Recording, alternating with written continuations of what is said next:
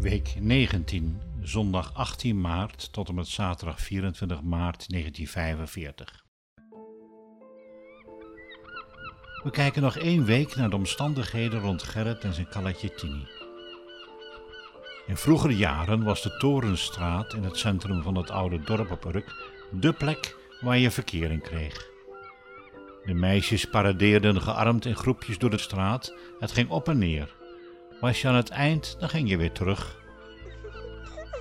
Aan de kant stonden de jongens. En als een meisje je aanstond, sprak je haar aan.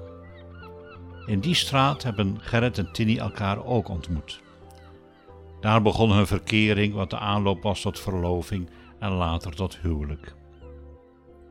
Tegenwoordig is deze traditie er niet meer, maar veel oudere Urkers kunnen zeggen dat ze daar hun geliefde hebben ontmoet. Tini is christelijk, zoals ze het op Urk noemen, als je tot de christelijk gereformeerde kerk behoort. Christelijk zonder de H.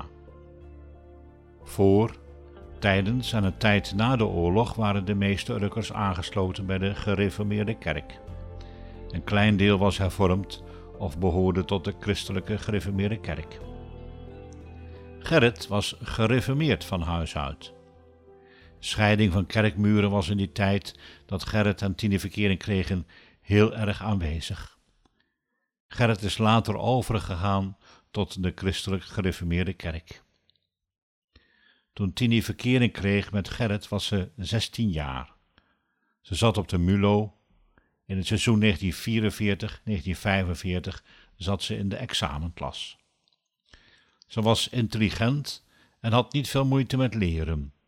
Ze wilde graag op eigen benen staan, daarom wilde ze per se slagen om zo een interne verpleegstersopleiding te kunnen volgen. 21 juni 1944 werd de Duitsgezinde Zaanse politiecommissaris Ragout in Zaandam gedood bij een aanslag gepleegd door Jan Bonenkamp en Hannie Schaft, ook wel het meisje met het rode haar genoemd. Tini was op het moment van de aanslag vlakbij. Ze heeft de schoten gehoord en heeft de dodelijk getroffen politieman op de grond zien liggen met een pistool in de hand en ook de wegvluchtende daders gezien. Dit zijn geen beelden voor een 16-jarig meisje. Die beelden zijn haar hele leven bijgebleven. Hannie Schaft op de fiets was het die politieman Ragout van zijn fiets schoot. Jan Bonenkamp volgde haar op de fiets en moest het genadeschot geven als hij niet meteen gedood werd. Maar Ragout schoot, stervend en op de grond liggend, terug en trof Jan in de buik. Zwaar gewond werd hij de burgers naar het ziekenhuis vervoerd. Hij overleed diezelfde dag nog. Naar Hannie Schaft is lang gezocht.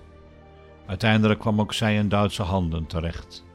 Dat was op 21 maart 1945. Op 17 april, de dag dat Gerrit met zijn maats Urk weer bereikte, werd zij geëxecuteerd. Tini was een goede verteller. En ik denk dat ze ook wel aardig kon schrijven, gezien haar dagboek wat ik gelezen heb. Ik denk dat ze dat van haar ouders geherfd heeft. Opa Post was een kostelijk verteller. Die hing aan zijn lippen bij de verhalen die hij had. Dat gebeurde ook bij Tini. Ze trok je aandacht bij haar verhalen en ook bij het voorlezen wat ze voortreffelijk kon.